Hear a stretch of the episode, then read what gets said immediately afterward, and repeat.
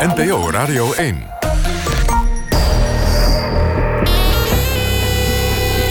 Argos.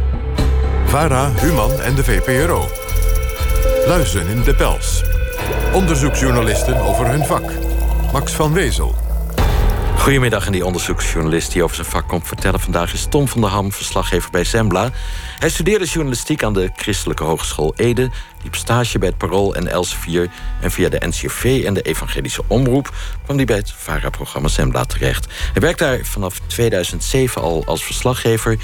Ton won nogal wat prijzen, zoals de Loop voor de Zembla-aflevering over vieze ziekenhuizen en de Tegel voor de aflevering over Q-koorts. Zijn bijnaam, de Pitbull van Zembla. Welkom, Tom. Dankjewel. Laten we even beginnen bij een van je meest recente onthullingen. Je was daar laatst nog uh, over op Radio 1 trouwens. Misstand in het UMC in Utrecht op de afdeling KNO. Wat is daar mis? Wat was er mis en wat is er misschien nog wel mis? Nou ja, bijna een jaar geleden begonnen Norbert, uh, mijn collega en ik... Uh, uh, met, nou eigenlijk al langer. Want de uitzending was in november en eigenlijk aan het begin van de zomer... dus al, dat is alweer meer dan een jaar geleden... zijn we begonnen met ons onderzoek... Ehm, naar aanleiding van een, um, op een gegeven moment een, een, briefwisseling... die wij in handen kregen tussen het ziekenhuis en de inspectie. En daar bleek dat daar een angstcultuur was. Tenminste, dat vond een aantal artsen.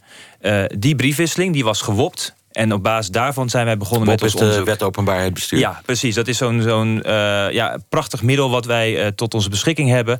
Tenminste, het is nogal een hele klus soms om informatie boven tafel te krijgen. Maar dit, dit was eigenlijk al gewopt. dus dat betekent die documenten waren al beschikbaar. Wij zagen ze. En, en kregen jullie toen een bevestiging van die angstcultuur? ja, absoluut. Dat is gelukt. En daar hebben wij vervolgens uh, zijn we het hele jaar zoet geweest om uh, daar uh, meer onderzoek naar te doen en dat boven tafel te krijgen. En ook vooral om te onderzoeken wat dan de gevolgen van die angstcultuur zijn voor bijvoorbeeld de patiënten. Want die voor... waren er ook?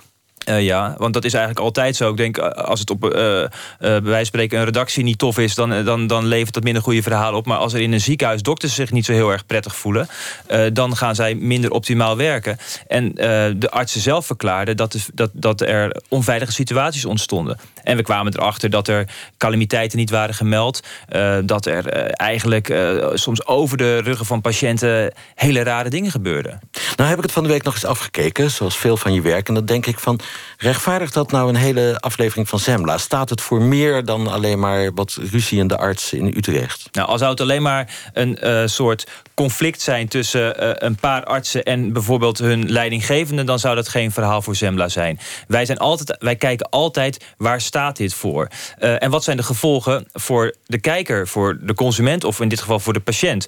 En dan denk ik dat een, een cultuur die niet veilig is in, in het ene grootste ziekenhuis van ons land, dan denk ik dat wij dan wel een thema te pakken hebben. En sowieso, dat hebben we ook gemerkt. We hebben niet voor niks daar uh, uiteindelijk een heel jaar lang aan besteed. En ook heel veel publicaties ook nog via internet uh, gemaakt.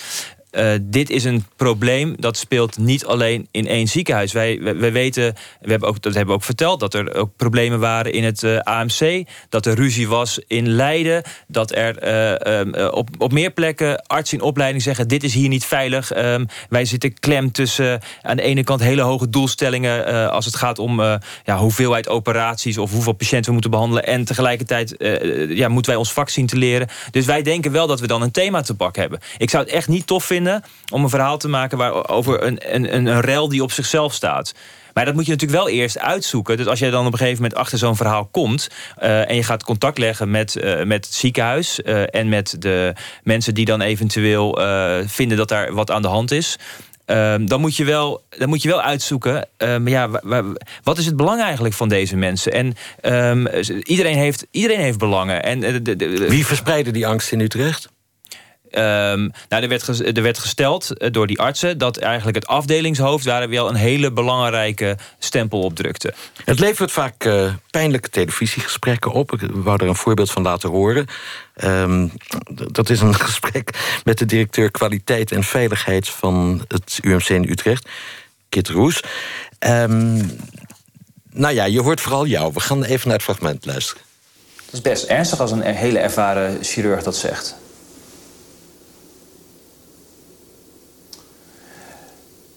Dus blijkbaar zijn er al lange problemen met het afdelingshoofd. En zijn er meer artsen die zich onveilig voelen bij hem. Toch? Uh, wat ik... Dat kunt u dan met mij constateren. Dat hebben jullie zelf, neem ik aan, dan ook al geconstateerd. Ja, eh, die man die niet verder kwam dan... Uh, uh, dat was dus uh, Kit Roes, de directeur kwaliteit en veiligheid... van het Utrechts Medisch Centrum. Kan je dat een man wel aandoen, dit? Nou ja, hij is, je zegt ik kreeg zo. medelijden met hem. Ja. Kreeg je medelijden met hem? Ja. Waarom? Nou, hij kwam niet uit zijn woorden. Hij zat Ja. als een konijn naar je te kijken. Mhm, maar het was niet de stagiaire. Dit Nee, het was de directeur. Ja, die verantwoordelijk is voor kwaliteit en patiëntveiligheid. Maar niet uit zijn woorden kan komen, kennelijk. Ja, maar die man zit op een hele belangrijke positie.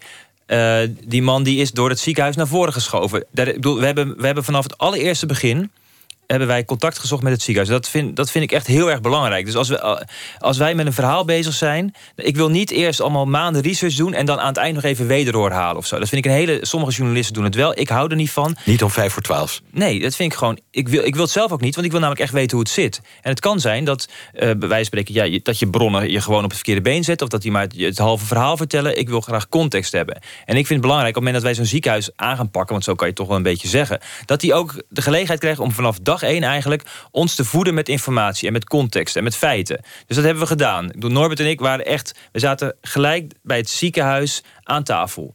Uh, hebben verteld wat wij horen, dat wij, dat wij die brieven hadden, dat er gesproken werd van angstcultuur. Wat is hier aan de hand? Dat het om het afdelingshoofd ging. Absoluut. Dus dat hebben we vanaf het begin gedaan. Toen wij op een gegeven moment ook nog meer feiten kregen, hebben we die ook steeds weer gedeeld met het ziekenhuis. En het ziekenhuis heeft gezegd: ja, oké, nou ja, het is, uh, ja, het begint, het is eigenlijk alleen maar, het heeft alleen maar te maken met een, met een rancuneuze arts. En uh, we gaan het jullie allemaal haarfijn uitleggen. Um, en ze hebben ook gelijk vanaf het begin gezegd: we gaan ook meewerken, want we zijn een transparant ziekenhuis. Dus uh, wij geven een interview. Nou, het lijkt me dan dat je dan een interview geeft als raad van bestuur. Hè? Dat, dat je dan, op, dan weet je, oké, het is zwaar weer. Ik vind het niet leuk dat Semla heeft aangebeld. Maar um, de raad van bestuur, die hoort dan eigenlijk te gaan staan voor, voor, voor het ziekenhuis. Dat deden ze niet. Wat ze wel. Want nou ja, eerst was eigenlijk nog wel heel lang de, de planning dat de Raad van Bestuur een interview zou geven. Ja. We hebben op een gegeven moment ook een soort voor, een, een, een, ja, een ontmoeting gehad met een van de leden daarvan. Met nog, Hoeveel onderhandel je daarover Oh. met voorlichters van zo'n ziekenhuis? Met Afschuwelijk veel. Echt heel veel contact. En dat, dat, en dat was in dit geval echt bizar. We hebben zulke rare dingen meegemaakt. Op een gegeven moment zouden we dus een gesprek krijgen met de Raad van Bestuur. En met nog een aantal hoogleraren erbij en directeur communicatie en al dat soort dingen. Maar ze waren heel wantrouwend naar ons. Dus ze zeiden bijvoorbeeld, uh, ja, dan mochten we daarheen. Uh, maar toen werd er een mail gestuurd en dan moesten wij verklaren dat wij geen opnames zouden maken. Geen geheime opnames. Nou, wij maken geen geheime opnames, tenminste normaal gesproken niet. En als ik op zo'n. Het is wel eens gebeurd, hè, in ja, het ziekenhuis. Het is wel eens gebeurd, maar dat, Je hebt wel eens met een verborgen ja, camera gewerkt. Uh, ja, ik heb wel eens met een verborgen camera gewerkt, maar dat is een. Komen we nog op? Oké, okay, maar dat is een totaal andere situatie. Dit gaat over, we willen voorbereidende gesprekken hebben. Ik vind dat zij moeten weten wat wij weten. Wij willen kennis met hen maken en we willen graag weten op welke manier we eigenlijk gaan optrekken in dit proces. Want je gaat toch, ik bedoel, we zijn maanden bezig. Ja, dan, je, hebt met elkaar te maken of je het nou leuk vindt of niet. Toen zeiden ze van, oké, we gaan geen opnames maken. Nee, prima. Uh, wil je dat ook nog vastleggen in de mail? Ja, tuurlijk willen we vastleggen in de mail. En toen kregen we nog weer een mailtje terug. Uh, waarin stond dat zij dan zelf uh, wil, ook nog zich wilde vergewissen van het feit dat wij dat inderdaad niet zouden doen. Dus wij zaten inmiddels al in de auto. We moesten nog naar een andere bron, naar een, een, een dokter die daar gewerkt heeft. En toen zeiden Norbert en ik tegen elkaar: betekent, gaan, ze nou, gaan ze ons fouilleren of zo? Weet je, is dat nou wat ze willen gaan doen? Dus wij belden op en zeiden we van ja, wat gaan, we, wat gaan jullie Denk doen? je dat het wantrouwen zo groot is omdat je Tom van der Ham van Zembla bent? Nou, ik weet het niet. Ik weet het niet. Ik denk dat zij. Um, ze zijn bizar wantrouwd. Maar met, met, met ons is, valt gewoon zaken te doen. Als wij zeggen dat wij iets niet doen, dan doen we dat gewoon niet. Nou, uiteindelijk kwam het. Toen zeiden ze ook: ja, maar je mag dan, dan geef je je tas maar af. Ik zeg: ik ga mijn tas. Er zitten allemaal dossiers in. Die gaan wij natuurlijk hier niet, niet in het ziekenhuis af, afgeven. Weet je? Dus er was, er was steeds zoveel wantrouwen. En ze deden zulke onhandige dingen. En een van de dingen was dus ook dat ze op een gegeven moment het interview een dag van tevoren hebben afgezegd. Mm. Uh, en um, toen, uh, wel, ja, dat was natuurlijk voor ons ook heel vervelend. Dan word ik ook best wel een beetje pissig. Want ik zie dan al, ik denk ja, dan krijgen we zo meteen dat, dat, dat belangrijke gesprek niet. Het is hun keuze geweest om Kit Roes naar voren te uh, schuiven. Want jij zei, uh, heb je geen medelijden met die man? Nou ja, als ik zit te kijken, dan denk ik van... Uh, dit kan een ongelukkige minuut zijn geweest... waarin die Kit Roes uh, niet uit zijn woorden kwam. Misschien was het wel een veel langer gesprek ja, waarin jullie geknipt hebben. Het is natuurlijk, natuurlijk heb ik geknipt. En misschien was hij briljant de rest van het half uur. Ja, ja. maar dat, is dat kun dus je niet controleren als kijker. Maar dan wil ik je graag iets meer context geven. Um, dus een dag van tevoren wordt het, wordt het gesprek al een keer afgezegd. Dan is het weer wekenlang onduidelijk of er, of er uiteindelijk toch een interview gaat komen. Dan krijgen we daar weer een, wordt er een nieuwe afspraak uiteindelijk gemaakt. Dan wordt er gezegd: meneer Roes gaat, sta, gaat een staand interview geven. Want dan voelt hij zich prettiger bij. Ja, dat is dan denken ze, dan weet je, dan, dan is het misschien snel voorbij of zo. Ik nee, dat gaan we niet doen. Uh, ik ga in ieder geval niet staan. Dus als meneer, meneer Roes wil gaan staan, ik ga zitten tijdens het interview. Het lijkt me een heel potsierlijke situatie. Maar ik, zei, ik heb veel te bespreken, dat weten jullie allemaal. En ik vertel alle feiten die wij willen bespreken, die worden gedeeld. Dan ook met het ziekenhuis. Dus die man die kan zich tot in de puntjes voorbereiden. En doet het dan niet? En dan, nou ja, dat, ze hebben, ik weet dat zij daar heel veel voorbereiding in hebben gestoken. Nou, dan kom je daar en dan staat er nog een andere cameraman. Hebben ze, het ziekenhuis heeft zelf ook een camera. Om jou te filmen? Ploeg inge, om het gesprek weer te filmen. Want zij wantrouwen. Ze denken dat, dat wij dan misschien inderdaad verkeerd gaan knippen. Dus er staat er een ja, ik sta daar met mijn cameraploeg. Dan is, en ik had Norbert ook wel meegenomen, want ik wist dat zij ook een uh, flinke delegatie hadden. Dus wij komen ook met z'n. Met, met, Norbert is je collega, hè, ja, precies. Je ja, want wij werken altijd in duo's. Hè. Dus ik bedoel, ik, ja, nu, nu zit je met mij te praten, maar je had hier eigenlijk. Wat met, de hele redactie kunnen hebben. Ja, maar en dan, en dan zit daar dus die andere cameraman, zit op volle oorlog. Lekker relaxed veertje. Bizar, nou, helemaal niet. En dan is het zo'n slecht interview. Die man, dit was, dit was teken deze minuut. Het was alleen maar zo. En ik heb zelf het interview stopgezet ik heb gezegd, meneer Roes, misschien moet u even met uw voorlichter weer gaan praten. Ik dacht, die man die moet, zich, die moet zich herpakken. Want ik zag ook wel dat dit een van de raarste interviews is... die ik ooit heb afgenomen. Maar je legitimatie is, zeg maar, zo'n man is zo belangrijk... die heeft zoveel macht in zo'n ziekenhuis... Die, die moet er maar voor zorgen dat hij uit zijn woorden komt. En anders laat je dat zien. Dus dit was een bloedbad. En dat zagen wij zelf ook. Nou, het ziekenhuis had het natuurlijk ook wel door... want die hadden, dus die hadden zelf ook hun eigen opnames. Dus die hebben met elkaar... dat, dat, dat ze dus geen eh, gezellige middagen zijn geweest... dat ze dat interview weer gingen terugkijken Hoe hard ben jij? Ik ben wel hard. Maar ik wil, oh, wil niet, ik wil hard zijn op de feiten, maar niet op de mensen. Dus wij hebben ook aangegeven aan het ziekenhuis...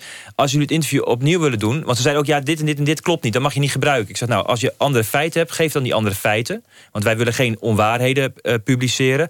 En uh, misschien is het beter als je toch uiteindelijk besluit... om de raad van bestuur naar voren te schuiven. Nou, dan hadden we het hele interview met meneer Roes niet gebruikt. We hebben met uh, oud schoolvriend van je... en oud collega bij de EO, Geert-Jan Lassen, gepraat... de mhm. voorbereiding. Die had heel veel waardering voor je... maar hij noemt je ook een killer, een meedogenloos iemand. Een doel heiligt de middelen. Ja... Uh, ik weet niet of ik, ik, ben, ik ben geen killer en ik vind ook niet dat het doel alle middelen heiligt. Ik denk wel dat ik een felle jongen ben en uh, dat ik wel ver wil gaan voor het verhaal. Ja, dat is denk ik wel waar. En, het is niet leuk om jou over de vloer te krijgen. Maar ik hoop van wel. Kijk, ja, ik vind het heel leuk, maar nou ja, het Utrechtse ziekenhuis niet kennelijk. Nee, ja, en, toch, weet je, ik ben ook maar gewoon... Eh, ik wil ook gewoon graag uiteindelijk aardig gevonden worden, hoor. En ik vind het ook fijn dat als mensen achteraf zeggen... oké, het is wel vervelend dat hij dit verhaal maakt... maar het is uiteindelijk toch uh, een goede jongen. En um, uh, alleen, ja, ik heb wel die rol... En die, en die probeer ik zo goed mogelijk te spelen. En ja, en dat je dan. Ik vind wel, ik wil geen genoegen nemen met een, met een, met een antwoord wat niet klopt. Dan word ik, dan word ik gewoon. Dan word ik, ik bedoel, en nieuwsgierig. En ik word ook wel een beetje pissig van. En dat geeft adrenaline. Ja, ik word, ik word soms. Je wordt emotioneel. Ja, ik word wel emotioneel. Ik zou bijvoorbeeld, en dat denk ik wel eens van, wanneer word ik nou eens wat rustiger? Wanneer word ik nou eens een beetje zoals jij of zo? Want jij, ja, maar ik heb het idee. moet je er jaren voor oefenen, Tom. Ja, maar misschien, ik weet niet of ik het ooit, of ik het ooit bereik. Maar dat heb ik ook eens, als ik bijvoorbeeld dan uh, eerder op, uh, op Radio 1 vandaag had je dan Kees Boman en die interviewt dan die politici. En dat doet hij zo lekker, een beetje, ja, wel filijn of zo. En een beetje, uh, het is grappig en het is heel feitelijk. En, en, en dan denk ik, ja, dat is wel iets wat ik, dat zou ik ook heel erg leuk vinden. En ik probeer ook wel in mijn interviews overigens, dan, dan proef je die emotie als het goed is ook niet. Dan ben ik ook gewoon feitelijk. Ik wil gewoon weten hoe het zit. Dat is mijn taak namens de kijker. Ik wil weten hoe het zit. En komt het wel eens voor dat, dat ze je na afloop toch wel aardig vinden? Ja, want uh, zeker. En, en wij maken hele heftige verhalen. Bijvoorbeeld ook vorig jaar over de, de, die uitzending heette de topsporters van de melkindustrie. Ging over de, eigenlijk de manier waarop wij de koe steeds meer als ja, zij gaan uitmelken, vragen er steeds meer van het beest. En um, dat zijn verhalen geweest die heel kritisch zijn ontvangen in de veehouderij. Maar en ik heb met één voorlichter heel veel contact gehad. Toen ik zijn voorman interviewde, stond het schuim bij die man op de mond, omdat hij het heel ongemakkelijk vond. Maar met die voorlichter heb ik goed contact. En uh, ehm, ik, ga, ik ga over een week sta ik weer voor een zaal met, met boze boeren. Ga ik mijn verhaal vertellen. En dan vraagt hij Ton: Wil je alsjeblieft eh, weer een keer langskomen om te vertellen waarom je deze verhalen maakt? Want blijkbaar denkt zo'n man: er zit toch wel iets in wat Semla. Uh, en waar komt de bijnaam de Pitbull van Semla vandaan? Ja, ik weet niet wie die bijnaam heeft verzonnen en van wie die hebt. Ik zag het ergens in een interview boven een interview staan. Oké. Ja, ik denk, ik denk dat ik wel. Uh, ik denk, omdat ik gewoon geen genoegen neem met, met, met makkelijke antwoorden. Ik bedoel, er was ook bij het, in het ziekenhuis in Utrecht ook zo'n merkwaardig uh, merkwaardige gebeurtenis. Toen, wij hadden een uitzending gemaakt en dan zie je dat het, het, ziekenhuis allerlei dingen probeert dan weer recht te zetten. Heel onhandig, feitelijk onjuistheden. Dus daar zit ik bovenop, want ik zie dan dat ze iets zeggen. Ik denk, ja, wacht even, dit laat ik niet laat gebeuren. Niet dus dan gaan wij daar ook weer een artikel over schrijven en dan gaan we dan op internet zetten. En toen op een gegeven moment, uh, het, was, het was eigenlijk een detail, maar toen schermden ze met een brief van de inspectie. Maar ja, kijk, daar staat toch in dat het met die dokter allemaal prima in orde was. Dus ik heb die brief toen eh, opgevraagd en ik zag die brief. Ik zei, die brief klopt helemaal niet.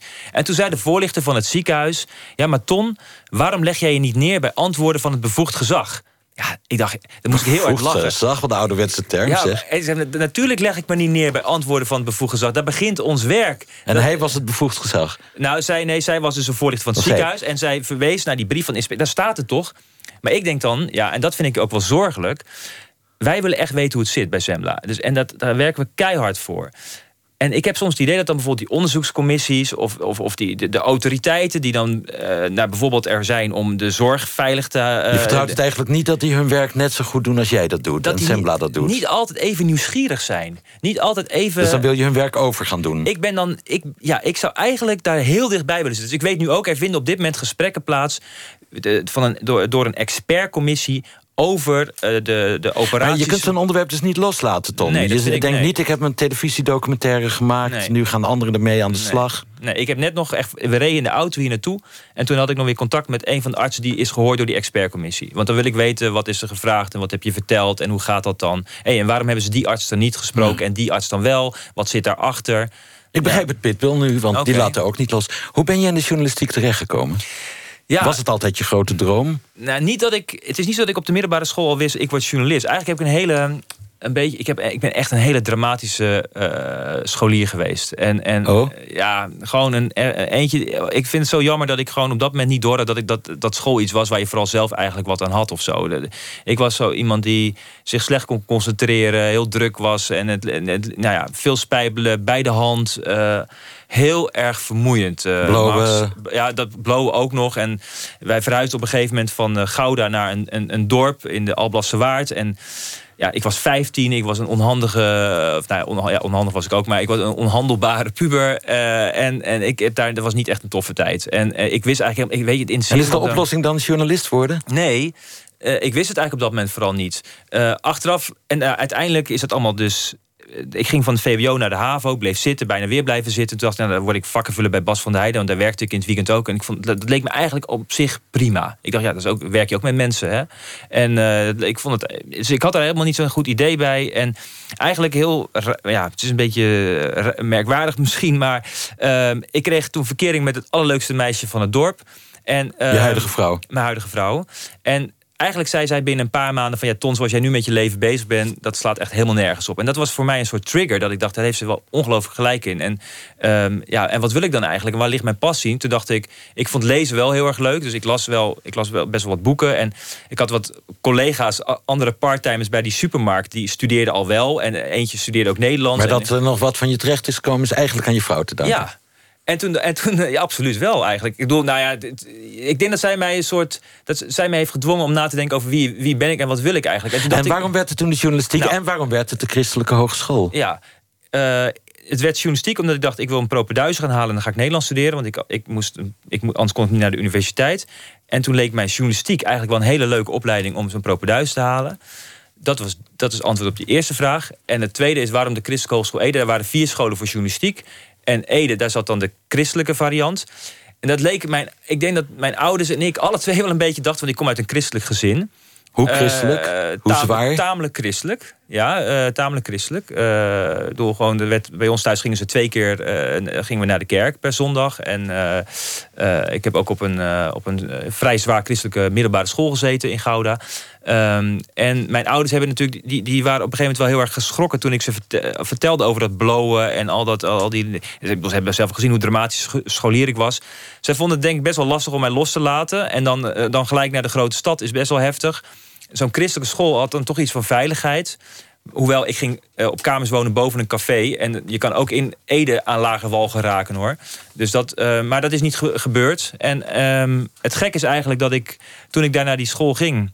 Of niet eens, dat is niet gek, dat gebeurde gewoon. Toen dacht ik, maar dit is eigenlijk wat ik... Uh, wat ik graag wil. Dit, ik vind het fantastisch. Ik, ik had ook, toen was het ook gewoon klaar met onzin. En met, toen wilde ik gewoon mijn vakken halen. En hoe ben je bij de tv terechtgekomen? Want ik heb ergens gelezen dat je tv in die tijd ja. een oppervlakkig medium ik vond. Helemaal, ik vond televisie ook. Ik had ook wel ook geen televisie. Ik heb jarenlang helemaal geen televisie gehad. Ik, dacht ook van ik vind het een oppervlakkig medium. En de schrijvende journalistiek, dat is eigenlijk de mooiste vorm van journalistiek. En misschien vind ik dat nog steeds wel.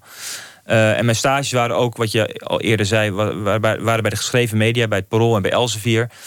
En eigenlijk, uh, nou, dat, dus ik dacht ook, daar ga ik ook gewoon, uh, dat ga ik ook doen. En wij woonden toen even een tijdje in Twente. Dat had weer te maken met de stage van, van Els, van mijn vrouw. En toen dacht ik, ga ik wel schrijven bij, bij Tubantia. Ik heb ook gesolliciteerd bij de broer van Kees Driehuis. Gerard Driehuis. Ja, maar die, uh, en ik had toen ik had echt hele goede stages achter de rug. Kees is weer je oud uh, chef bij uh, ja, Kees heeft mij bij Zembla aangenomen.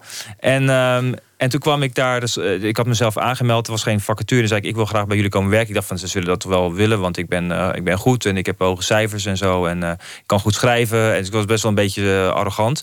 En toen wilde die me niet. Hij zegt, ja, jij vindt dat niet leuk om te gaan schrijven over het 25-jarig jubileum van de visboer. Want dat doet Tubantia. Nou ja, dat, blijkbaar vond hij dat van zichzelf. Want dit was echt een van de argumenten. Of misschien wel het belangrijkste argument. En toen had ik, bij toeval had ik iemand aan de lijn van de NCRV. Die had ik een keer geïnterviewd, Klaas Drupsteen. En die zei, hé, hey, maar er is een nieuw programma bij ons. En dat heet Heilig Vuur. En dat, dat is, moet eigenlijk een beetje de tegenhanger worden... of de concurrent van uh, Kruispunt, van de KRO dat is een, een, een, nou, een soort een levensbeschouwelijk actualiteitsprogramma. Nogal. En dit zou dan ook een, uh, een NCV-variant uh, worden. En dan zoeken ze nog een jongen, zoeken een journalist die verstand heeft van religie en van levensbeschouwing. Ik dacht, ja, nou dat ben ik. Dus ik ben journalist en ik heb daar verstand van. Dus zo ben ik daar toen terechtgekomen. En dus ik was helemaal niet van plan om bij de tv te gaan werken. En toen werkte ik dus wel opeens bij de televisie. Sterker nog, je ging. Uh een aantal jaren later over naar, naar Zembla. Het rode, het linkse Zembla. Mm -hmm. Kees Driehuis was je chef daar. Vroeg hij zich niet af, wat moet ik met zo'n christelijke jongen? Uh, ja, dat vroeg hij zich zeker af, uh, zeker af ja. Uh, hij, maar je hebt hem zelf gesproken, zei je. Hij zei dat hij je eerst niet wilde aannemen, maar ik weet niet of ik de vrijheid heb om dat nou. Uh, nou ja, dat is waar. Want ik, ik, ik, ik, werkte toen op dat moment bij Netwerk. En ik, ik vond Sembla wel echt een ongelooflijk stoer programma. En uh, dat, we hadden ook een waanzinnige commentaarstem. Ik dacht, wat, uh, wat nou als, als, je verhalen, als mijn verhalen daar zouden. Als ik daar mijn verhalen zou kunnen maken. En als ze dan zo, zo, zouden worden ingesproken, dan is het al. Ja, dan is het al heel erg. Alleen daarom is het al, al heel erg serieuze journalistiek. Het leek mij fantastisch. Dus ik had gesolliciteerd en toen bleek er in de, in de laatste ronde bleek er van de vier kandidaten bleek er drie uh, bij netwerk te werken. En uh, dus ik heb het sollicitatiegesprek gehad bij Kees. En ik vond het heel erg leuk, het sollicitatiegesprek. Heel, nou, Kees Ria is een hele serieuze meneer. En er waren twee hele ervaren redacteuren ook bij. En ik vond het echt, echt inhoudelijke gesprekken. Het ging gewoon echt over wat voor verhalen zou je dan willen maken. En ik moest ook een, met een voorstel komen. Daar gingen ze heel serieus over spreken. Maar ik kreeg ook wel van die vragen van Kees. Ja, maar wij vloeken hoor op de redactie. Of ik dacht echt van hij denkt dat ik een soort wil beëvangeliseren. Daar, volgens mij was hij daar een beetje bang voor. En ik ben het dan ook niet geworden. Ik weet niet of dat met mijn, met mijn geloof te maken heeft. Hij wilde weten, mag ik nog gewoon godverdomme blijven roepen als ik boos ben? Jij, of jij, als je het nu zou willen doen? Nee, oh, Kees. Kees Kees, ik denk dat Kees, dat, die, was daar, die, die, had daar, die had nog nooit mensen van de EO uh, aangenomen. En ik ben het toen niet geworden. En toen die persoon die het wel werd, die, die vertrok eigenlijk weer vrij snel. En toen hoorde ik via een cameraman die ook voor Zemla werkte en waar ik ook mee werkte. Die zei, ja, hey, er is weer een vacature. En toen dacht ik, ja, ik kan nog één keer proberen. Dus heb ik Kees Driehuis gebeld. En toen zeiden ja, wij zaten net zelf ook te denken... moeten we die jongen van de EO misschien maar weer eens benaderen. En toen uh, ben ik opnieuw op gesprek gekomen. En toen heeft hij nog wel een keer iets... Hij vroeg er nog een keer naar. En toen zei ik, ja, maar Kees, echt, dat is gewoon geen issue. Ik bedoel, ben je nog steeds gelovig? Ik ben nog steeds gelovig. Wat doe je aan het geloof? Uh, ik ben wel... Het, het geloof ja, wat doe ik aan het geloof? Uh, ik, ik ben, het is wel zo dat mijn geloof zich wel een beetje ontwikkeld heeft door de jaren. Ik, ik, ik, ik weet steeds minder. Ik heb, ik heb weinig vast omlijnde dogma's of zo. Maar het is, het is wel iets waar ik mij, uh, waar ik mij aan toevertrouw. Het klinkt al heel snel heel vaag en heel zweverig. En uh, op het moment dat je, ja, ik vind het. Uh, als mensen daarover praten, is het ja, is het vaak een beetje dat je denkt, ja, ja, wat, voor iemand anders lastig om zich iets bij voor te stellen. Maar het, het geloof is voor mij wel echt een inspiratiebron. En ik, ik hou van die rituelen. Ik, wij gaan naar een, kerk. Uh, ik, ik, ga niet, inmiddels niet meer twee keer in de week zoals dat thuis gebeurde, maar een stuk minder vaak. Maar eigenlijk zou ik het best wel. Ik zou het helemaal niet erg vinden om elke week naar de kerk te gaan. Omdat ik het een hele mooie plek vind. Waar bij ons mooie muziek wordt gemaakt waar er verstilling is, waar, er, uh, waar, er gewoon op, waar je intellectueel niet. Je, bedoel, het is, er, is gewoon, het is, er hangt een vrijzinnig klimaat. Weet je? Je, hoeft niet, je, je, hoeft, je intellect niet thuis te laten. Um, je wordt uitgedaagd om zelf na te denken. Maar we vieren daar het mysterie van het geloof. Dat, dat, dat het uiteindelijk gaat ook om barmhartigheid en om naaste liefde. En niet om volgeblazen ego's. En, en je, ik word daar denk, oh ja, Ton, even, ja, je kan hier op adem komen. En ik ben best wel een beetje iemand die daar behoefte aan heeft. NPO Radio 1. Argos. En in Argos vandaag uh, de serie Luizen in de Pels. Mijn gast is Tom van der Ham van Semla. Uh, nou, bij je ouders kwam de tv dus niet in, kennelijk ja, vroeger. Jawel, die is er op een gegeven moment wel gekomen. We hadden eerst geen televisie, maar we waren, we waren niet van de Zwarte Kousenkerk hoor. Maar die, toen kwam er wel op een gegeven moment zo'n tv, zo'n hele grote zwart-witte. Die kwam van uh, ome Joop en tante Ina. Die kregen toen een kleurentelevisie, denk ik. En toen kwam er een tv en die, die stond op zolder. En niet omdat de kerkenraad dat niet zou mogen weten, want mijn vader zat zelf in de kerkenraad. Maar uh, ja, dat ding, dat, uh, dat, langzamerhand werden de tv's in ons gezin ook wat, uh, wat sophisticater. En, en, en, en kwamen ze ook beneden te staan en zo. En eigenlijk zie je wel dat waar we eerst alleen maar naar, nou ja, naar Swiebertje en naar de programma's van de EO keken, is dat ook wel langzamerhand wat, wat, wat verwaterd. En uh, ik denk wel dat mijn, want mijn ouders waren uiteindelijk, uh, uh, toen ik bij Zembla ging werken, was het inmiddels al wel dat ze daar gewoon ook trots op waren. Weet je, het was niet meer die, die rare Vara. Hoewel ik wel echt uit een hele verzuil, echt een verzuild gezin kwam. Den Uil en zo, die werden niet vertrouwd hoor. Nee, Swiebertje was wel van de NCRV. Ja, dat, dat, mocht dan, dat was eigenlijk al heel links. Ondertussen heb je voor iemand met die achtergrond uh, ben je wel een soort recordhouder uh, prijzen. En niet altijd in je nou, eentje, inderdaad, nee, voor duo's. Ik doe, want ik heb ze met Manon gewonnen. En, Manon Blaas? Uh, ja, eigenlijk steeds met Manon, ja. Ook wel eens de gast geweest hier. Ja. Maar goed, het is een indrukwekkende lijst die jullie samen hebben gewonnen. De 2010 was wel een soort topjaar. De loop van de Vereniging van Onderzoeksjournalisten voor vieze ziekenhuizen. Mm -hmm. En de Tegel, de meest prestigieuze persprijs van Nederland voor de Q-koorts-epidemie. Um, ik wil het even met je hebben over die afleveringen, het waren er twee geloof ik, over vieze ziekenhuizen. Omdat je daar wel met een verborgen camera ja. werkte en ook undercover ging. Ze ja. wisten niet dat jij Ton van de Vara was. Zeker niet. En dat was er eerst, de eerste uitzending was in 2009 en toen ben ik drie jaar later opnieuw uh, undercover gegaan. Dus dat, daar zat wel een tijd tussen. Zullen we even luisteren naar een fragment? Oké. Okay. Mijn collega's weten niet dat ik van de televisie ben. Ze weten dus ook niet dat zij op televisie komen. Hallo, ik ben Anton. Daarom hebben we hun gezichten onherkenbaar gemaakt. Ja. ja. Wij zijn een duo vanochtend. Ja, ik hoor Vind je het goed? Oké. Okay. Nee. hey, je moet me alles toch uitleggen, hè? Alles? Ja, ja, ja. Het luistert toch wel nauw? Ik bedoel, of niet? Nee? Maar we zitten in een ziekenhuis. Ja, dat weet ik. Maar dat, uh, het is niet dat je dan anders goed maakt, hoor. Ik heb even een vraagje. De wc, waar maak jij die aan de binnenkant mee schoon? Uh, oh ja, dan gebruik je gewoon uh, meestal groen en ruikt dat lekker. En dan uh, doe je gewoon één spuitje in de wc. Is het ook voor wc's? Nee, dat niet. Het is niet voor de wc? Nee. Maar je mag er wel voor gebruiken? Ja, iedereen gebruikt het. We maken de wc schoon met een meubelreiniger. Volgens mij klopt dat niet. Ik ga te raden bij een ervaren collega die op de operatieafdeling schoonmaakt. Sanifresh is voor, zou ik zeggen, voor sanitair. Je moet, je moet zo denken. Hé, hey, denk jij niet? Sanifresh. Nee, wij hebben het zo geleerd en dan moeten ja. we ons eigenlijk ook aan houden. Ja. Zo is het werksysteem hier. Ja, zo is het werksysteem hier. Daar moeten we ons eigen aan houden. Je heette dus Anton voor je collega's? Ja, ja dat had ik gedaan omdat we dachten Uh, ja, je moet natuurlijk niet tegen de lamp lopen. Dus ik dacht, als ik nou mijn, mijn ja, Anton, dan kan ik nog steeds mijn, mijn, mijn, mijn eigen ID gebruiken. Want AJ van der Ham heet ik. Want je moet je natuurlijk gewoon, je, je, je moet gewoon je BSN, al je gegevens moet je gewoon inleveren. Je bent gewoon in dienst.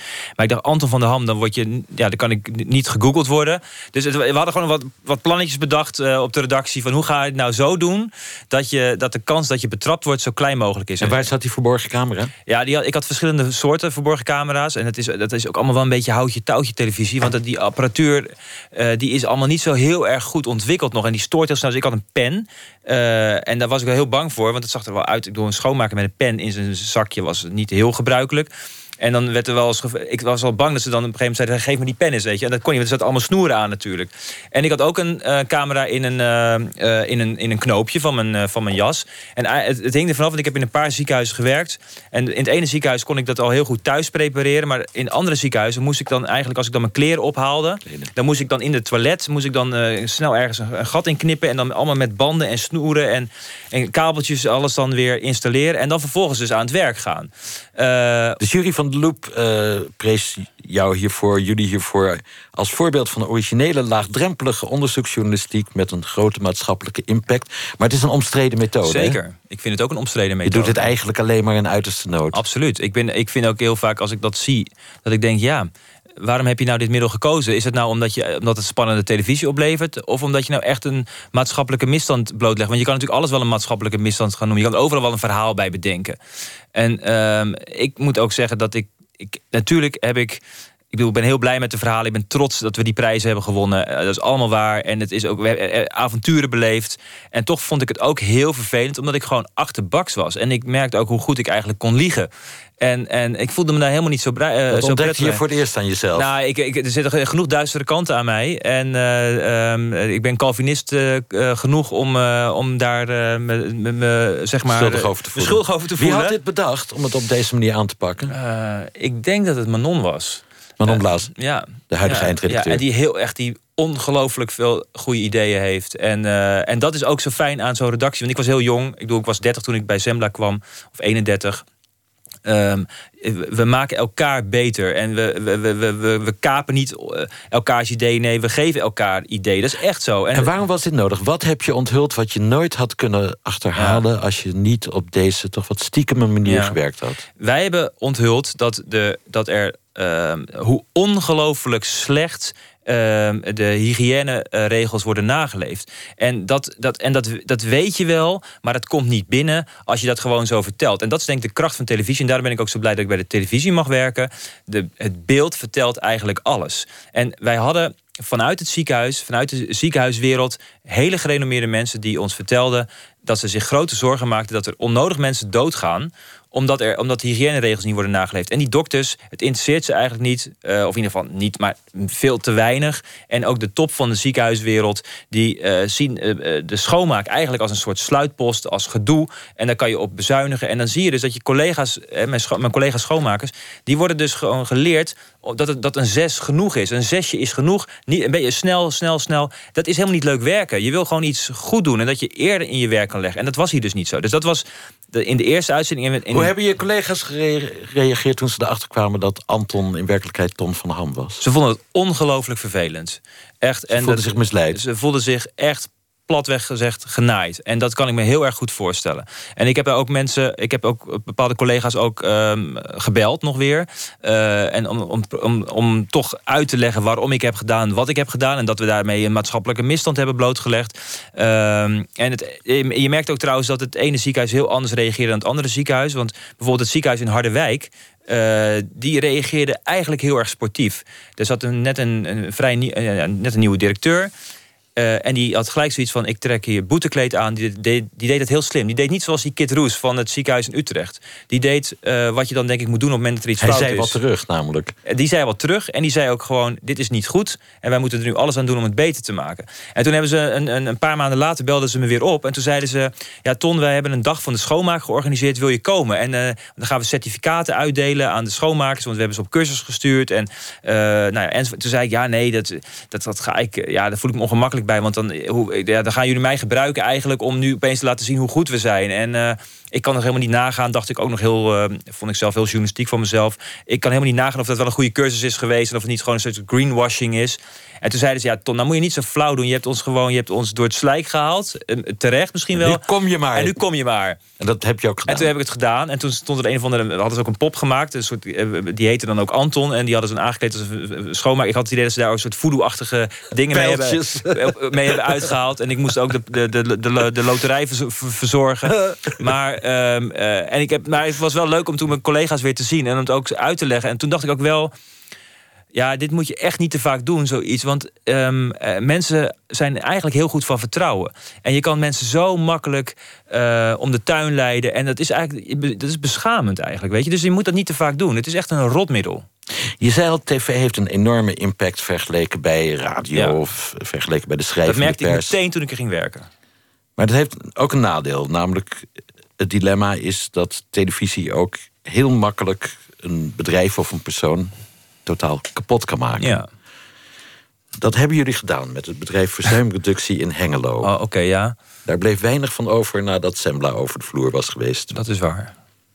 Even een fragment. Iedereen kan tegenwoordig een verzuimbedrijf beginnen. Want sinds 2005 is de arbodienstverlening geprivatiseerd. Marcel Wenting is directeur van het grootste verzuimbedrijf van ons land. De voormalig autohandelaar is een ondernemer in hart en nieren. Ik heb niet echt veel gestudeerd. Nee? Ik heb, uh, ik heb uh, commercieel en uh, financieel wel wat dingen gedaan, zeg maar. Maar meer vanuit mijn eigen,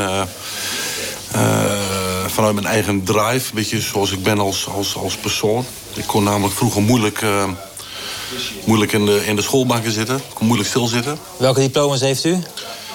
Ik heb zwemdiploma A en B. En daarnaast heb ik wel een aantal dingen aan begonnen, maar ik heb het eigenlijk nooit afgemaakt. Ja, dit was uh, Marcel Wenting die u hoorde, directeur destijds van dat bedrijf Verzuimproductie in Hengelo. U luistert naar uh, Luister in de Pels. Gast vandaag is Tom van der Ham van Zembla. En die maakte samen met Manon Blas uh, deze afleveringen over de verzuimpolitie.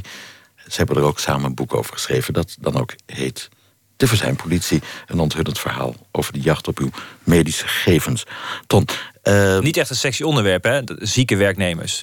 Nee, maar koeien is misschien ook geen uh, nee. sexy onderwerp. Maar dat vind ik juist zo leuk dat wij dat we daar gewoon dat, dat, dat, wij, dat we dat mogen doen. Dat we dan daar verhalen over mogen maken. Maar over de privacy van zieke werknemers. En ik, ik moet overigens wel zeggen dat ik ook niet gelijk zelf stond te springen toen Manon met dat idee kwam. Want ik dacht eerst ook van ja. Uh, ja, zieke werknemers, dat, dat, is niet echt een, gelijk een, een, groep mensen waar je je heel erg mee verbonden voelt. of die heel veel warme gevoelens oproepen of zo. En denk, ja, daar zitten natuurlijk surpieten bij, enzovoort, enzovoort. Wat is het verhaal van de verzuimpolitie? Waarom noemden jullie hun, die mensen van dat bedrijf, de verzuimpolitie? Nou, uiteindelijk hebben wij blootgelegd, en dat is denk ik ook een van de belangrijkste taken van de, van de journalistiek, is dat er een, eigenlijk een soort Wild West was. Er, er is een, de, de, de, de arbodienstverlening, hè, dus de, de, de, de, de hele begeleiding van zieke werknemers, was geprivatiseerd. Dus de overheid stond verder op afstand. En de, de, de, de traditionele arbodiensten die verloren terrein. En daar sprongen cowboys op in. En verzuimreductie was de snelst groeiende. Was een, een bedrijf wat ja, uh, ja, wat, wat ongelooflijk uh, veel uh, nieuwe klanten binnenhaalde. Met een hele flamboyante uh, directeur. En ook met een nieuwe directeur, Jan van Hals. Die, je kent hem wel, die voetbalanalist. De, voetbalanalist, ja, Jazeker. Nou ja, weet je, dus, oh, die deed ook aan verzuim? Die deed ook aan verzuim. Okay. En dat was, dat, was, dat was fantastisch. En wij kwamen erachter dat zij de privacy van, die, van al die tienduizenden werknemers... waar zij dan de begeleiding voor moesten doen... dat zij die privacy schonden. En dat ging heel erg ver. Want je ontdekte ook dat ze deden alsof ze dokter of verpleegster ja, waren... terwijl, terwijl mensen, ze dat helemaal niet waren. Nee, ze vroegen de mensen hem van het lijf... bouwden daar dossiers over op... deelden al die hele gevoelige informatie over abortussen... over zelfmoordpogingen, over weet ik veel wat voor ernstige fysieke aandoeningen... deelden ze allemaal weer met de werkgever, wat totaal niet mag. En dit gaat dan niet over de, zeg maar de, de leuke, hippe, zelfbewuste, hoogopgeleide medewerkers. Nee, dit, zijn dan, dit gaat dan over buschauffeurs en cashiers van de Action. Weet je, dat soort uh, medewerkers. Ja, en, en als daar dan de overheid eigenlijk nauwelijks toezicht op, op hield. Want niemand, die, die hele de regels en zo, bijna een niemand. privatisering die uit de hand liep. Ja, en wij hebben dan een privacy-waakhond die eigenlijk gewoon totaal niet ge- geëquipeerd was om daar allemaal achter te komen en, dat, en daar, daar de vinger bij te leggen. Dus dat hebben wij gedaan. En wij zijn binnengekomen bij het grootste verzuimbedrijf van ons land. Ehm, overigens hebben we dat wel geprobeerd ook echt met open vizier te doen. Terwijl wij wel dachten, wij moeten wel de werkelijkheid zien te Ja, betrappen. toch even, want dit is het dilemma. Hè? We Ja. hoorden Marcel Wenting net zelf eigenlijk heel trots vertellen. Hm. Die gelegenheid geven jullie hem ook van... ik zat in de autohandel, ik, Ja. ik heb alleen maar een zwemdiploma... maar ik heb het toch ver gebracht eh, in de maatschappij. Dus eh, ik zit nu bij de verzuimpolitie. Hm. Eh, dus jullie kietelen hem heel erg. En vertel hem natuurlijk niet dat jullie eigenlijk uit zijn... op een heel ander verhaal, namelijk dat zij de privacy van patiënten schenden. Nee, wij hebben, kijk, wat je dan, we gaan niet zeggen, wij, u werkt bij een eh, Gangsterbedrijf. wat U, u, ja, precies. U bent, niet, u, bent- u bent de gangster. En wij, gaan u, en wij gaan uw bedrijf eens even kapot maken. Sowieso zijn wij niet uit, erop uit om zijn bedrijf kapot te maken. Waar wij op uit zijn, is om zijn methodes bloot te leggen. Eh, en daar hebben wij dan onze eigen Zembla-methode voor om dat dan te doen. En dat betekent wel dat je, je moet gewoon de waarheid spreken. Maar je kan wel je kan, natuurlijk mag je dan zijn, zijn trots, daar mag je best een beetje op inspelen. Dus hij vond het heel leuk dat de mensen uit Hilversum dan kwamen naar hem. En, de, en, en, en hij was ook heel erg... eh, Jullie hebben zijn ijdelheid gestreeld. Ja, en hij, hij kende... ze- Kijk, en hij, hij, er zat ook wel een beetje een, een dilemma. Want hij kende, hij kende Zembla niet. Hij had het over Zwembla. En, en, en hij vond het allemaal heel erg interessant. En hij was ook wel een beetje onder de indruk, merkte ik, van, van Manon en zo. Dat vond hij ook wel een interessante vrouw. En die, hij wilde ook dat ze dan meekwam op zondag naar, de, naar, naar FC Twente. Nou, dat had zij dan weer niet zo heel veel trek in. Hoewel En waarom vond die Manon een interessante vrouw? nou, omdat, denk, omdat het een knappe vrouw is. En eh dat, was hij wel, dat, dat, dat, dat had hij wel door. En, ehm, eh, maar ja, op een gegeven moment dan kwamen we filmen. En dan kwam ik met mijn ploeg en zei... oh, Manon is er niet bij. Nee, Manon is er niet bij. Maar we hebben die man wel vanaf het begin duidelijk gemaakt wat wij gingen onderzoeken. En we hebben wel gezegd van u heeft, u heeft wel een, on, eh, een onorthodoxe aanpak. Dat is wat anders dan dat je zegt van u bent een gangster. Dus je, je, je, je bent een beetje creatief misschien met de manier waarop je daar probeert binnen te komen. Maar we hebben wel vanaf het begin gezegd als u lijken in de kast heeft, dan moet je dit misschien niet doen. Ehm, en het is aan hem en aan zijn team, want ik bedoel, het is een miljoenenbedrijf. Er was net 4 miljoen geïnvesteerd door een heel groot fonds in dat bedrijf. Eh, hij had daar een commercieel directeur binnengehaald, Jan van Hals. Nou ja, die, die heeft ook, eh, die is blijkbaar commercieel directeur. Er zijn eh, allemaal mensen, nou trouwens, zoveel opleiding. het was niet zo dat al die medewerkers nou zo goed opgeleid waren eigenlijk om het werk te doen. Dat was juist een van de problemen. Maar er, zat in ieder geval, er zou genoeg inhoud moeten zijn in zo'n bedrijf om te kunnen inschatten. Of zij iemand als ons binnen had moeten laten komen. Het gevolg van die uitzending was wel... Wenting moest weg, Van Hals ging zelf weg. Ja. Het bedrijf verloor grote klanten. Ja. Eh, Maar wat nog veel erger is, vind ik eigenlijk dat- de, de klokkenluider van het verhaal. Dus dat was een, een, een, vrouw die bedrijfsartsen in dienst had en die samenwerkte met dat bedrijf. Zij heeft uiteindelijk besloten: ik ga vertellen wat ik, wat en ik haar ervan klanten vind. liepen ook weg. Ja, zij, ik bedoel, zij heeft ook hele grote financiële klap gehad. En dat vind ik eigenlijk nog veel tragischer. Dat een klokkenluider daar zoveel klappen van Maar is krijgt. het moreel verantwoord? Is het probleem dat jullie aan de orde wilden stellen zo groot dat het verantwoord was een heel bedrijf eigenlijk kapot te filmen? Ja, wij hebben het, bed- het bedrijf heeft zichzelf kapot laten filmen. Omdat zij hebben ons binnengelaten. En wij mochten alles filmen inderdaad. Wij hebben dus daar dagenlang rondgelopen bij die callcenters. Hebben ge- gezien hoe hun personeel... eh, de, de, de, de, de, de, zieke werknemers het hemd van het lijf vroegen. En vervolgens hebben wij dat... eh, Alles wat wij aan feiten daar eh, eh, vastlegden... en de dossiers die wij via onze bronnen in handen kregen... hebben wij natuurlijk besproken met experts. Want ik kan, er wel, ik kan er wel van alles nog wat van vinden. Het gaat er uiteindelijk om, wat zegt de wet? Weet je, dat is ook echt, wij, wij hebben niet zelf dan een soort moreel oordeel. Wij willen gewoon weten, wat is er afgesproken? Wat zijn de rechten van de werknemers? En worden die met voeten getreden? Nou, dat bleek het geval. En dan denken wij... Ja, volgens mij is het wel moreel verantwoord dat als zo'n man de verantwoordelijkheid heeft over 100.000 werknemers, dan mogen wij hem die kritische vragen stellen. En als het dan niet deugt, dan is dat niet onze verantwoordelijkheid. En de overheid die lette niet op. Hè? Dus wij moesten, ja, wie moet het dan doen? Ja, wij denk ik. De jury van de Loop prijst Sembla en jou voor de grote maatschappelijke impact. Maar daar, daar gaat het om, hè? of je echt wat hebt veranderd. Ik bedoel, Ja. zijn de ziekenhuizen nu schoner? Ehm, nou, eh, eh, eh, dat weet ik niet. En, en, en ehm, als ik in een ziekenhuis loop... en dan ben ik ook enorm gefocust op... dragen ze de dokters geen ringen en geen horloges. En, ik, en als ik er dan ben ik, en ik spreek, durf ik ze ook wel gerust aan te spreken. Als ik, want ik, ik zie nog steeds dat daar dingen niet goed zijn. Ik denk, ik heb, wat wij wel terug horen... is dat daar wel meer bewustwording, zoals het dan heet, is. En, maar ja...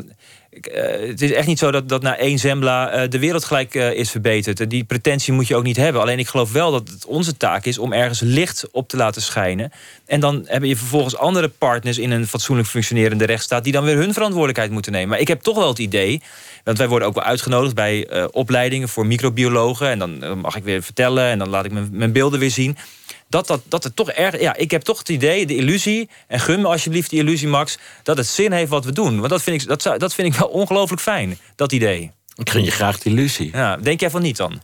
Ik denk dat op lange... Ja, het is zo'n werk van lange adem. Ja, de maatschappij veranderen, misstanden veranderen via de media. Het is nou een zaak van lange adem. Die Arbo-wetgeving, is, er is echt veel kritischer gekeken... naar de, naar de, de, de positie van die, die, die cowboys, zullen we zeggen. Tegelijkertijd krijgen we nog eh, geregeld mailtjes van... nou ja, kijk alsjeblieft eens naar mijn dossier... want ik word ook helemaal door mijn eh, werkgever slecht behandeld... of ik word weer de werkvloer opgeschopt. Dus je blijft natuurlijk dat soort verhalen houden. En um, ja natuurlijk is het niet. We leven niet in een ideale wereld. En die ideale wereld kan ik ook niet bereiken. En toch eh, geloof ik er heilig in dat het zin heeft dat wij, uh, dat wij die tegels lichten. En dat we, omdat we namelijk uh, door macht corrumpeert bijvoorbeeld. Nou, ik zeg niet dat alle mensen die macht hebben slecht zijn. Alleen het is nou eenmaal wel zo dat als je op die positie zit... je toch op een gegeven moment geneigd bent misschien om een beetje wat flexibel om te gaan... met bepaalde belangen of met de feiten. Dan spreekt hier een dominee of een journalist, Tom? Ja, ik ben journalist. Ik heb geen theologie gestudeerd. Maar ben een journalist met een doel, met een missie. Ja, dat wel. Een beetje een dominee. Waarom ben ik dan een dominee? Nou, omdat er heel veel journalisten zijn die gewoon zeggen... ik geef objectief de feiten neer, weer. Ik, ik, ik hoef er niet iets mee te bereiken. Ik denk dat de meerderheid van de journalisten in Nederland zo denkt. Ja, zo dat ze niks willen niet. bereiken? Nou, eh, netjes berichtgeving willen doen. Ja, ja ik, uh, dat, ja, dat, dat, zou ik, dat zou ik dan eigenlijk toch wel een beetje te mager vinden. En ik, ik heb zelf het idee dat op het moment dat jij bij wijze van spreken gewoon genoegen neemt met een. Nou, met bijvoorbeeld, nee, we, we, geven, we, werken niet mee aan jouw verhaal. Uh, ik, dan wil ik gewoon weten waarom werken ze dan niet mee. En ik heb het idee dat er heel vaak gelegenheidsargumenten worden gebruikt. En dan wil ik doorvragen en dan wil ik erachter komen wat er dan werkelijk aan de hand is. En ik, ik denk ook dat die, die onrust uh, ook wat oplevert omdat wij geen genoegen nemen. Ik bedoel, ik werk echt op een redactie waar we, wij maken best wel vaak nieuws. En dat is volgens mij ook omdat we daar gewoon hartstikke hard voor werken. En omdat we gewoon het willen weten. En uh, daar voel ik me heel prettig bij. Hoeveel tegenwerking krijg je daarbij? Uh, naar aanleiding van het verschijnen van het boek De Verzuimpolitie van Manon Blaas en jou... Uh, deed je een enorme uitval naar voorlichters van Haagse departementen. En zij vervolgens een enorme uitval naar jou. Uh, jij zei, een programma als Semla, een echt onderzoeksprogramma... wordt in Den Haag eigenlijk het werken onmogelijk gemaakt. En zij zeiden, nee, we helpen erg mee. Maar uh, Semla heeft te vaak geprobeerd ons te verrassen. Hm. Zelfs de term te naaien viel. Ja. Ja, uh, Hoe komt het dat je zo vaak met voorlichters in uh, botsing komt? Omdat er gewoon ongelooflijk veel voorlichters zijn. Dat is sowieso al een, uh, een, een fenomeen. en bijna geen enkele organisatie durft het meer zonder. En die voorlichters die denken ook dat het goed is dat zij, dat zij bepalen met wie je spreekt en wat je ze dan vraagt. En, dus je hebt gewoon, we, kunnen niet om ze heen. Er, zitten heel veel, er zijn ongetwijfeld heel, heel veel hele goede voorlichters. Ik kan zo een heel lijstje noemen met mensen waar ik prima mee zaken kan doen. Uh, of waar ik ook wel eens een keer keihard mee gebotst ben... maar daarna vervolgens wel gewoon op, op, ja, op goede voet verder kan. Maar er zijn er te veel die zich uh, opstellen als een soort reputatiemanager. En die hebben gewoon geen zin in lastige vragen. En wij merken dat er... Ik, er wordt gewoon gelogen. Uh, de, de feiten worden verdraaid. Uh, er, wordt, er wordt geprobeerd om uitzendingen kapot te maken... door informatie eerder naar, naar buiten te brengen. Of om, ja, dat, weet je, om rapporten aan te passen... of om commissies onder druk te zetten om eerder te verschijnen... zodat wij dan eigenlijk onze primeur kwijtraken. Bronnen worden onder druk gezet. er wordt onwaarheid gesproken. De, en wat ik ook heel storend vind, want wij zijn niet perfect. En ik denk ook wel dat in het heet van de strijd wij soms misschien wel een keer, of een keer onhandig doen, of misschien wel eens een keer zelfs. Uh, wij zou, ja, ik zeg niet dat wij perfect zijn, maar wij, wij proberen wel uh, gewoon netjes ons werk te doen.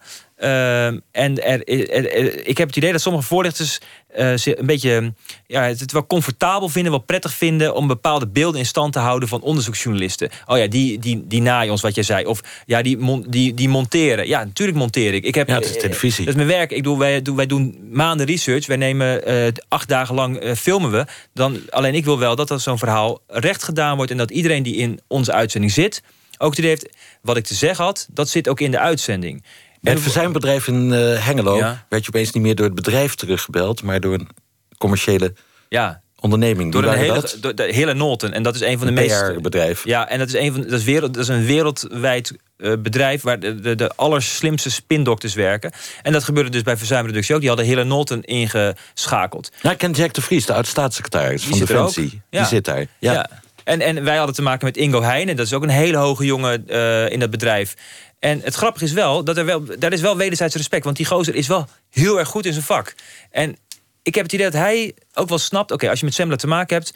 eh, dat is misschien linker soep, want wij hebben een probleem... en Sembla is erachter. Maar ik, heb me, ik vertrouw hem wel. Dus ik zeg niet dat, dat, dat het allemaal slecht is... dat er alleen maar rotzakken zouden werken.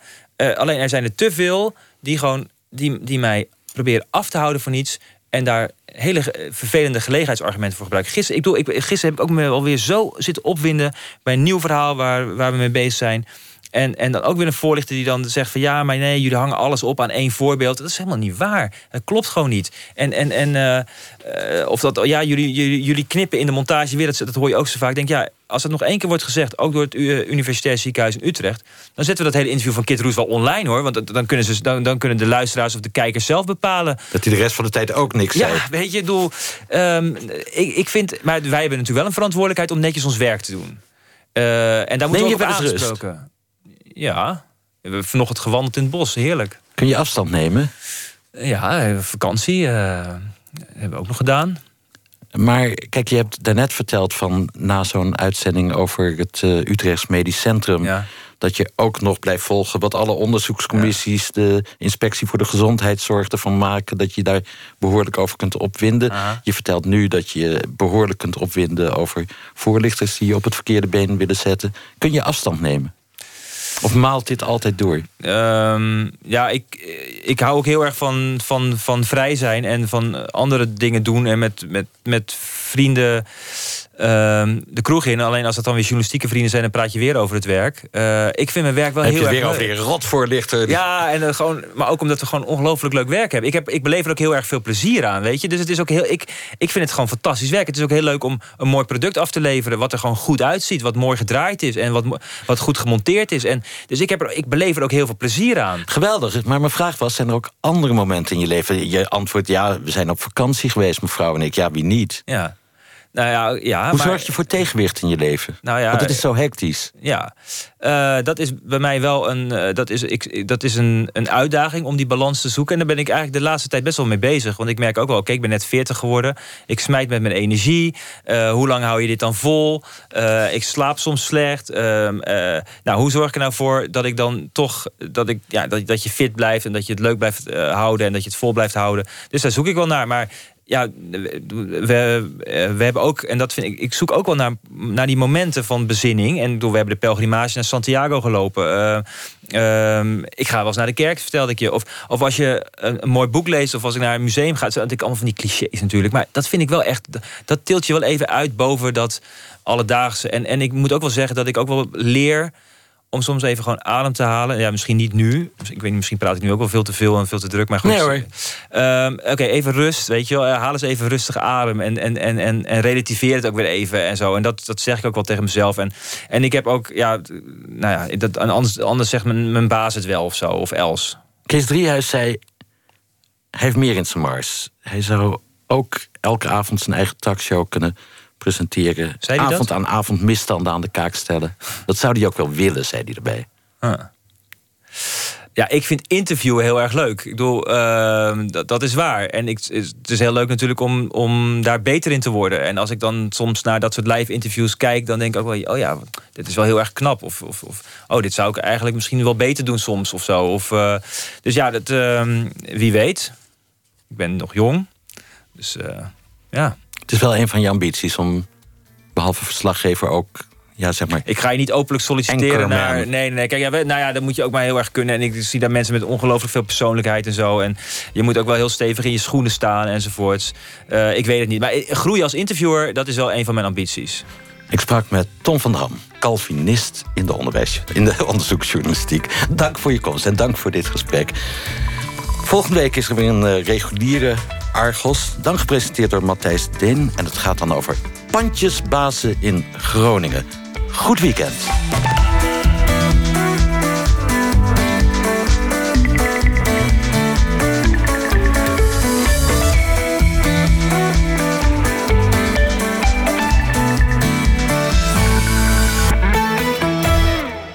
NTO Radio 1. Dood doet leven. Op een doodree hebben biologen een paar compleet nieuwe insecten gevonden. Ja, ze zijn zo'n 4 mm groot. Lang, slank, ze zien eruit als een mier. Verder in onze uitzending, waarom is het nu zo stil in de natuur? Hoe komen we van dat giftige Jacobs kruiskruid af? En al die dressuur en dat gespring met paarden. Wat vinden de paarden daar eigenlijk zelf van? Komt wel heel erg dichtbij nu trouwens. Ik denk dat we het over haar hebben, dat klopt ook nog. Dit en meer. Morgen van 7 tot 10. Vroege Vogels. Op NPO Radio 1. Het nieuws van alle kanten. Meneer, goeiedag. U komt voor de proefrit in de grijze sedan. Jazeker. Nou, hier staat hij. Gaat u lekker zitten. Het is een zeer mooi autootje met pit onder de motorkap. Dat is wel leuk om te vertellen. Pardon? Meneer? Meneer, vergeet u niet iets? Oh ja, eh, even mijn route checken. Juist, voor je gaat vertrekken, even je route checken. Zo is dit weekend de A12 tussen Prins Klausplein en Zoetermeer afgesloten... en de Velsertunnel op de A22 is ook dicht. Kijk voor meer wegwerkzaamheden op van A naar beter.nl.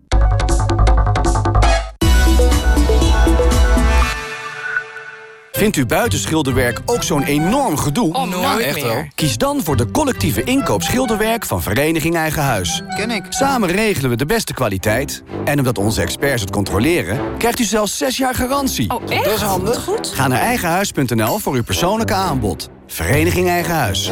Sta sterker.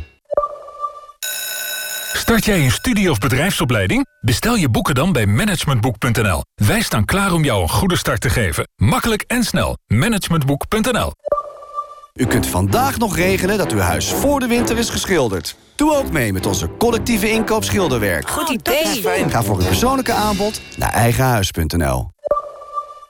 Iedereen is geïnteresseerd in wereldnieuws. Maar er is ook jouw wereld. Jouw buurt. Jouw straat. En nu vragen we je... wat maakt jouw buurt jouw buurt? Hoe goed ken jij je buren eigenlijk? Vertel het in het buurtonderzoek. Ga naar krant.nl. Als dank krijg je de krant uit jouw regio nu twee weken gratis.